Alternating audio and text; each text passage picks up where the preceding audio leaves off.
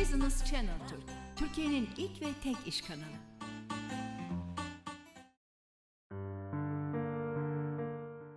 Business Channel Türk TV ekranlarına hoş geldiniz. Bugün bir hanımefendi konuğum var. Kendisi bir diş hekimi, bir hekim, sağlık çalışanlarımızdan birisi. Ve biliyorsunuz pandemi döneminde diş hekimleri aslına bakarsanız risk anlamında bu pandemiyle yani Covid-19 ile ilgili en büyük sıkıntıyı çeken meslek gruplarından bir tanesinde. Biliyorsunuz yoğun bakımcılar var biliyorsunuz. Acil tıp hekimleri var. Ama diş hekimlerinin şöyle bir özelliği var. Hastanın ağzına müdahale edeceğiniz zaman belki 10 santim, belki 5 santim yakın mesafeden. Üstelik biliyorsunuz hava püskürtüyorlar, su fışkırtıyorlar. Yani hani Covid-19'un tam da ulaşabileceği mecraları oluşturuyorlar. Peki nasıl korundular? Nasıl kendilerini rehabilite ettiler, uzak tuttular, hastalık konusunda nasıl problem yaşamadılar? Bunların hepsi birer soru. Buket Ramazanoğlu, hoş geldiniz. Hoş bulduk. Pandemi döneminde ne yaptınız Buket Hanım? Pandemi döneminde e, maksimum seviyede korunarak, e, kliniğimizi koruyarak, hastalarımızı birbirinden koruyarak, biz kendimizi onlardan izole ederek çalışmaya devam ettik. Şimdi mesela siz o dişlerin içine su fışkırtıyorsunuz. Doğru mu söylüyorum? Ya da püskürtüyorsunuz. Evet, evet. Hava püskürtüyorsunuz. Yani Covid-19'un bütün ulaşım yollarını sağlamış oluyorsunuz. Ve siz yani maske falan takıyordunuz herhalde. Bir de siperlik mi takıyordunuz? Tabii tabii maske takıyoruz. N95 maskelerimiz var. Onların üzerine normal cerrahi maske takıyoruz. Üzerine siperlik takıyoruz. Gözlük takıyoruz. Bu arada Ee, nasıl nefes alıyordunuz? Biz alış, alışkınız maskeyle çalışmaya. Zaten bu Covid-19 öncesinde de bizim korunmamız gereken çok hastalık vardı veya hastaları birbirinden korumamız gereken. Hepatit B vardı, hepatit C vardı. Dolayısıyla hastaların kimisi bunun farkında değil, kimisi biliyor fakat söylemeye çekiniyor. Dolayısıyla biz zaten her hastaya bulaşıcı hastalık taşıyormuş gibi yaklaşmak zorundayız. Kendimiz adına da ondan sonra bakacağımız hasta adına da. Ee, biz zaten korunarak çalışıyordum ben kendi adıma gözlüğümle, siperliğimle. E, buna N95'ler eklendi, tulumlar eklendi. Hastalara tek kullanımlık cerrahi önlükler giydiriyoruz bazen. E, bu şekilde korunarak çalışıyoruz pandeminin başından beri. Bir sorun yaşamadık çok şükür. Mesela şey dediniz de bu pandemi tabii bu e, önlemleri daha bir aktif hale getirdi ama mesela hepatit B, hepatit C bunlar mesela hepatit C ciddi bir hastalık biliyorsunuz. Tabii ki, tabii ki. Yani AIDS gibi filan. tabii ki. Hepatit B de ondan aş- aşağı kalmaz. Yani ben mesela dü- düşünüyorum hekimler bazen kanlı canlı işler yapıyorsunuz mesela. Diş çıkartıyorsunuz. Bazen eliniz kesiliyor. Bazen kanla temasta bulunuyorsunuz. tabii. Hani solunum yolundan alacağınız mikrobun dışında ya da virüsün dışında e, direkt temasta olduğunuz e, uzuvlarınız var. Vallahi işiniz çok zor. Teşekkür Gerçekten ederim. Zor yani. Korunarak çalışıyoruz. Pe- Peki e, Buket Hanım bize biraz kendinizi tanıtır mısınız? Sanıyorum yeriniz İstinye'de galiba. Evet? Bir klinik e, çalıştırıyorsunuz. Evet evet 2015'ten bu yana İstinye'de diş kliniğimi çalıştırıyorum. Ee, 1980'de İstanbul doğumluyum. Ee, 2009 yılında Marmara Üniversitesi Diş Hekimliği Fakültesinden mezun oldum. 80 yılında doğduğunuz zaman ben Marmara Üniversitesi'nden mezun olmuştum. Öyle mi? Evet, İletişim Fakültesinden mezun olmuştum. Aynı kampüsteydik iletişim fakültesiyle. E, yani benden Güzel. sonra kampüs e, kampüse gitmiş olabilir. Ben Dolapdere'deki okuldan mezunum. Hmm, değişmiş Eskiden ki. eskiden öyle o kadar böyle şey yoktu. Kampüsler falan yoktu. Hmm. Eskiden böyle parça parça dağınıktı. E, şimdi bir kampüs içinde topladılar bildiğim Tabii tabii kadarıyla. iletişim fakültesiyle aynı kampüsteydik. Şimdi tabii bizim kampüsümüzün yeri de değişti dediğiniz gibi. Ben 2009 yılında mezun oldum Marmara Diş Hekimliği Fakültesinden. Sonrasında birkaç klinikte çalıştım mesul müdür olarak. Ee, 2015'ten bu yana da kendi kliniğimi açmaya karar verdim ve orada hizmet veriyorum. Sağlıklı dişler, güzel gülüşler demişler. Şimdi gülüş tasarımı galiba estetiğin olmazsa olmazları arasına girdi değil mi? Doğru tabii mu? tabii kesinlikle en çok e, talep edilen tedavi şekli gülüş tasarımı. Çünkü her anlamda önemli. Estetiğine çok e, değer veren bir kesimle çalışıyoruz zaten. E, şu dönemde daha da bir önemli.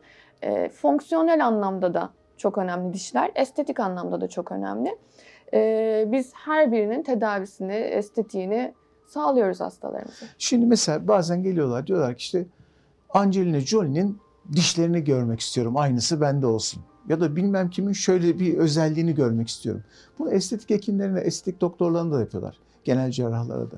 O mesela e, şey Hollywood bilmem nesi işte e, Brezilya köşkü. Brezilya poposu bir sürü şeyler. evet. Şimdi mesela e, siz diş hekimi olarak yüzün e, yapısına uygun dişler mi Tabii. oluşturmak durumundasınız? Tabii tabii. Biz gülüş tasarımında ilk adım olarak zaten e, bence en önemli adım hastayı dinlemek, anlamak, e, isteğini ve beklentisini iyice analiz etmek. Peki Ee, o uyar mı peki? Yani gerçekle hayal birbirine örtüştüğü yerler ya da örtüşmediği yerler Ortaya Örtüştüğü yerler de oluyor, örtüşmediği yerler de oluyor. Biz buna nasıl karar veriyoruz?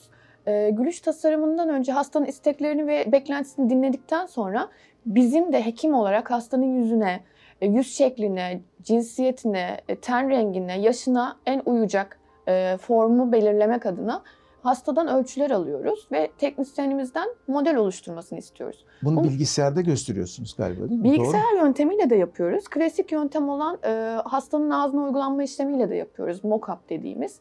Biz bunlardan geçici restoratif malzemelerle hastanın modelleri üzerinde olabilecek sınırlar dahilinde ve hastanın beklentisini maksimum karşılayacak şekilde e, şablonlar hazırlatıyoruz ve hastanın ağzına uyguluyoruz birebir. Hasta kendi ağzında görüyor ve e, bu noktada fikir alışverişimiz başlıyor.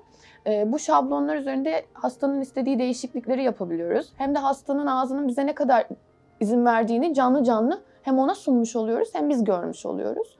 Bu şablonlarla önden varılacak sonucun e, en yakın görüntüsünü elde etmiş oluyoruz tedaviye başlamadan evvel. Peki altyapı çok uygun değilse yani diyelim ki diş kayıpları var ya da e, çenenin öne çıkması var ya da geride olması var. E, yani e, çiğnemede ya da basmada e, eksik taraflar var. Orada mesela siz önce restorasyonu yapıyorsunuz galiba sonra onun üzerine bir şey yapılandırma yapıyorsunuz. Şöyle yapıyoruz. Biz ilk etapta modeller üzerinden çalışıyoruz ve e, modeller üzerinden elde edilen şablonu ağza deniyoruz. Ama hastada çok e, şiddetli çapraşıklık varsa, üst çene ileride, üst çene geri- alt çene ileride gibi durumlar varsa önce cerrahi müdahale gerekebiliyor veya ortodontik tel tedavisi dediğimiz müdahaleler gerekebiliyor. Hastayı buna e, ikna etmeye çalışıyoruz. Çünkü bunlar uzun süreçler olduğu için hastalar çok ikna olmuyor ama edildiği durumlarda öncelikle cerrahi veya e, tel tedavisi dediğimiz ortodontik tedavi yoluna gidiyoruz.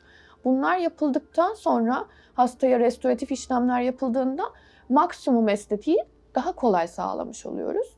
E, Mesela peşinden de implantlar geliyor bildiğim ki diş kaybı varsa. Tabii tabii zaten gülüş tasarımı eksik dişle düşünülemeyeceği için e, e, biz öncelikle implantları yapıyoruz eksik diş varsa. İmplantlar yapılıp iyileştikten sonra diş eti seviyeleme işlemimizi yapıyoruz. Yani aslında bu işin pembe estetiği de var. Diş eti seviyeleme işlemi e, daha çok güldüğünde çok diş eti görünen hastalarda veya diş eti seviyesi... Rahmetli Kemal Sunal gibi mesela. Evet, evet. Veya diş eti seviyesi çok e, birbiriyle uyumsuz sağıyla solu asimetrik olan vakalarda diş eti seviyeleme işlemini de yapıyoruz. Sonra bu cerrahi işlemler bittikten sonra bir doku iyileşme dönemi bekliyoruz. Doku iyileşme dönemi bittikten sonra biz beyaz estetiğe yani protetik kısma geçiyoruz. Protetik kısma geçince de e, ne şekilde düzelebileceğini, hangi restorasyonun kullanılabileceğine karar veriyoruz. Bu nasıl bir süreç? Yani ne kadar zaman olarak nasıl bir süreç? İmplant yaparsak implantın yapılmasından sonra protetik tedavinin yapılması yaklaşık olarak 3 ay bekliyor. Çünkü implantın kemik içine osteointegrasyonu dediğimiz Evet. kemiğe bağlanma süreci var. Bu süreci bekliyoruz ama hasta dişsiz beklemiyor tabii ki. Geçici restorasyonlar takıyoruz. Onlarla bekliyoruz. İmplanta ihtiyaç yoksa sadece diş eti seviyeleme işlemi yapılacaksa işlemden yaklaşık 10-15 gün sonra e, doku iyileşmesi tamamlanmış oluyor. 2-3 haftayı buluyor en fazla. Sonrasında restoratif işlemlerimize başlıyoruz. Orada doku kaybı varsa ne yapıyorsunuz? Başka Doku yerden kaybı- mi alıyorsunuz? Tabii tabii diş eti uzmanlarımızla çalışıyoruz o noktada. E, doku kaybı varsa damaktan veya başka bölgeden alınan diş eti e, dokularıyla bölgeyi tolere etmeye çalışıyoruz. Kemik kaybı varsa aynı şekilde ek cerrahi işlemlerle bölgeye kemik ilavesi yaparak durumu tolere etmeye çalışıyoruz. Peki şimdi mesela geldi belli bir yaşı var. E, çene kemiklerine baktınız. Çene kemikleri de çok implanta müsait değil. Ne yapıyorsunuz o zaman? Yani iki tane seçeneğimiz var bu noktada. Ee, ya bölgeye başka bölgeler yani dışarıdan kemik desteği, greftleme dediğimiz kemik tozlarıyla bölgeye e, kemik rejenere etmeye çalışıyoruz. Ee, ya da e, bu noktada implant yapılamayacaksa, istediğimiz sabit tedaviye gidemeyeceksek hareketli proteze yönlendiriyoruz. Fakat implant destekli hareketli protez. Yani kemiğin kalitesinin, kalınlığının, uzunluğunun, derinliğinin en güzel olduğu yerlere birkaç yani sabit tedavide koyacağımızdan daha az sayıda implant koyarak e, en azından hareketli protezi daha stabil, maksimum konforda kullanmasını sağlayabiliyoruz. Peki e, burada kişilerin hastalıkları, kronik hastalıkları sizin işinizi yavaşlatıp ya da hızlandırması söz konusu mesela. Diyelim şekeri var. Tabii tabii. Tabii Ee, bizim için çok Başka önemli. bir rahatsızlığı var. Tabii tabii. Bizim için Kemik e, erimesi var. Yani Tabii tabii implant yapılması aşamasında bizim için lokal faktörler kadar sistemik faktörler de çok önemli değerlendirilmesi açısından. Ee, örneğin hastanın rutinde kullandığı bir ilacı var ve bizim implant yapmamız durumunda ilaç bize engel olacak veya iyileşmeye engel olacak. Bu noktada hastanın mesela kan sulandırıcılar Tabii gibi. tabii. mi? Hastanın hekimiyle hemen konsültasyona geçiyoruz. Bu ilacı kesip kesemeyeceğini, yerine alternatif bir şey kullanıp kullanamayacağı konusunda konsültasyona geçiyoruz. Gerekli önlemleri aldıktan sonra ve belirli bir süre bekledikten sonra her ilaç için farklı bu süre bekledikten sonra uygun şartlar sağlanıp yine implantımızı yapabiliyoruz ama. Peki Buket Hanım şey soracağım. Diş hekimliği teknolojik olarak konforlu hale geldi mi? Yani teknolojinin son kullanımı anlamında söylüyorum. Mesela bi- bildiğim kadarıyla bir 3D görüntüleme var. Bu e, aslına bakarsanız belki diş hekimliğinde bir devrim de sayılabilir. Çünkü ağızdaki şeyi milimetrik olarak her şeyinizi her şeyi önünüze koyuyor Hı hı, ve üç boyutlu koyuyor. Hı hı. E, bu işte o e, şeyleri yaparken e, dişi böyle oluştururken, yapay dişi oluştururken size her türlü koordinatları veriyor. Şimdi e, benim merak ettiğim şu, siz bu teknolojiyi faydalanıyor musunuz? Bu bir. İkincisi bu teknoloji pahalı bir teknoloji mi? Yani her diş hekimi muayenehanesine ya da kliniğine böyle bir şey koyabilir mi? Bu teknoloji e, zaman geçtikçe ucuzluyor mu? Ve bu tüketiciye yansıyor mu? Bu konuda ne dersiniz? Şöyle e, diş hekimliği konforlu hale geldi. Bu teknoloji çok önemli bir adım bence de diş hekimliği için. E, çünkü çoğu hasta bilir ki e, ölçü aldırmak hastalar için çok kolay bir işlem değil. Bir şeyleriniz vardı. Tas demiyor. Ne diyorlar üstüne? Ölçü kaşıklarımız Ha, ve kaşıklar, silikon pardon. malzemelerimiz var. Evet.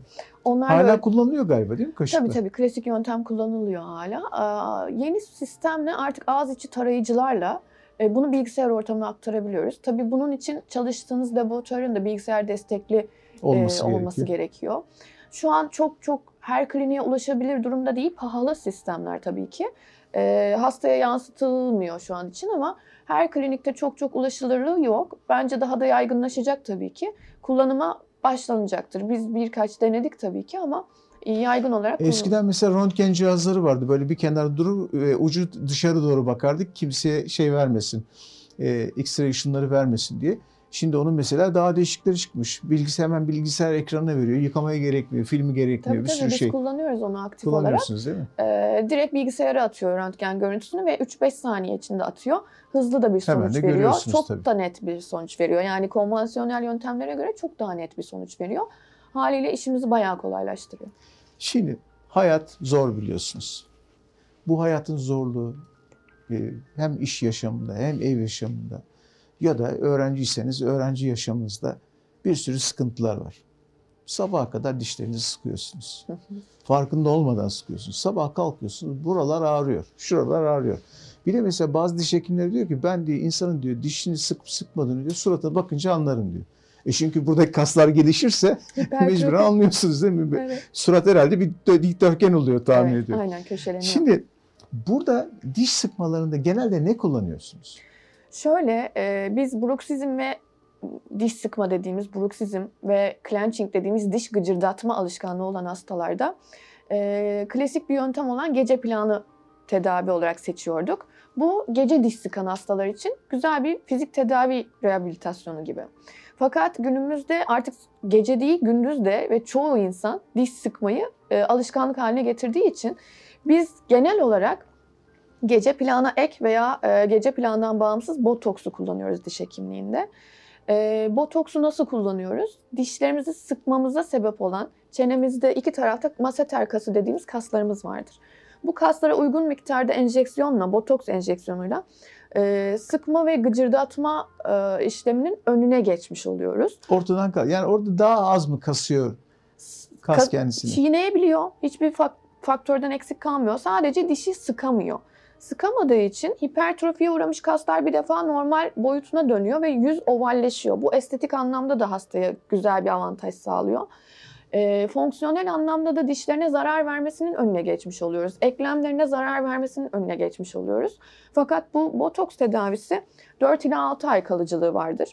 4 ay 6 ay sonra yeniletmek gerekir. Peki şunu soracağım. E, bir kere botoks oldunuz. Hı hı. Vücut unutuyor mu onu? Yoksa devamlı getirmek zorunda mısınız? Şöyle, ilk seferde 4-6 ay sonra vücut onu unutmaz. Ama 2-3 sefer tekrarlattıktan sonra fizik tedavi gibi çalıştığı için eklem zaten sıkmamaya, sıkmamayı öğreniyor. Dolayısıyla ben 3 tekrardan sonra artık rahatlamış hastalarım oldu. Hani ömür boyu devam etmesi gerekir mi? E, gerekmeyebilir. Bu peki e, botoks işlemi vücutta herhangi bir yan etkiye neden oluyor mu? Yani şeyin Şöyle. dışında. Bu asıl görevinin dışında. Asıl görevinin dışında yapılmaması gereken hasta grupları var tabii. E, Çünkü botoks, e, botulinum toksinin kısaltmasıdır. Yani Doğru, bir evet. bakterinin ürettiği toksindir. Dolayısıyla emziren has- annelerde, e, hamile bayanlarda, hemofili hastalarında veya bölgede apse veya deride lezyon varsa veya e, kan sulandırıcı ilaç kullanan hastalarda veya botoksta etkileşime girecek herhangi bir ilaç kullanımı olan hastalarda botoksu önermiyoruz. Zaten bu Ama yüzden botoks bir kere yapılan bir şey değil mi? Yani bir kere yaptınız, kan sulandırıcıyı kestiniz ya da e, o sorun olacak kaynaktan uzaklaştınız. E sonra mesela devamlı da etkileşim yapıyor mu botoks? Bir kez yapıyoruz ama botoksun e, etki mekanizması çalışıyor sürekli vücutta. Anladım. O sebeple önlem O- almak yani zorundayız. o diyorsunuz yani bu so- denenmiş sonucu görülmüş bir tecrübe olduğu için de Tabii, zaten yapılmaması gerektiğini tabii, tabii, söylüyorsunuz. tabii. Peki e, botoksu sorduk. E, botoksu hanımlar şeyde de kullanıyor biliyorsunuz. Şimdi mesela botoksu şeyde de kullanıyorlar. Mesela dolgular var. Dudak dolguları, işte çene dolguları, işte hatta burada gamze yapıyorlar mesela. Şimdi diş hekimiyle beraber mi çalışır genel cerrahlar ya da dişin durumuna göre mi çalışırlar? Mesela siz diyelim ki güzel bir diş yaptınız suratına göre. Oradaki kişi dedi ki ben dedi işte dudaklarımı da büyüteceğim ya da biraz daha şişireceğim. Orada siz e, o şişirmeye yönelik bir ön hazırlık yapıyor musunuz?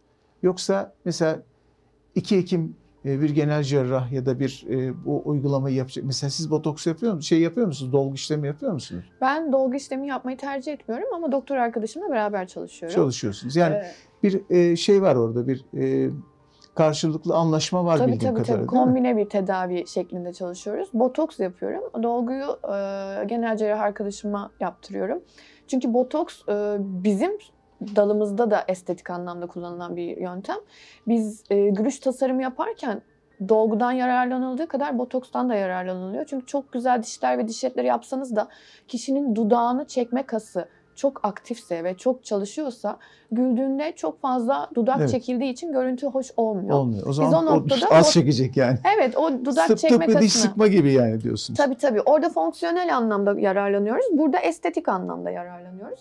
Dudağı yukarı çeken kaslara uygun miktarda enjekte ederek e, gülüş tasarımını botoksla tamamlayabiliyoruz. His kaybı oluyor mu mesela botoksla? Hayır. Olmuyor, Yok, hayır hayır. His kaybı kaybı. hiç olmuyor. Yani komplikasyon yaşa- yaşanmadığı sürece his kaybı olmaz. Buket Hanım çok teşekkür ederim. Rica ederim. Ben çok teşekkür ederim. Çok mersi. Enerjiniz karşılıklı. Peki çok teşekkür ederim. Yolunuz Rica açık ederim. olsun. Teşekkür yani bu ederim. pandemi döneminde zorluklar yaşadınız. Hala da devam ediyor aslında bakarsanız. Ee, yani siz iki misli daha çok hijyene önem vermek durumundasınız. Kendinizi korumak durumundasınız. evet biraz öyle. Peki çok teşekkür ederim. Ben teşekkür katıldığınız için. ederim. Beni davet ettiğiniz için ben teşekkür ederim. Tekrar buluşmak dileğiyle. Hoşçakalın.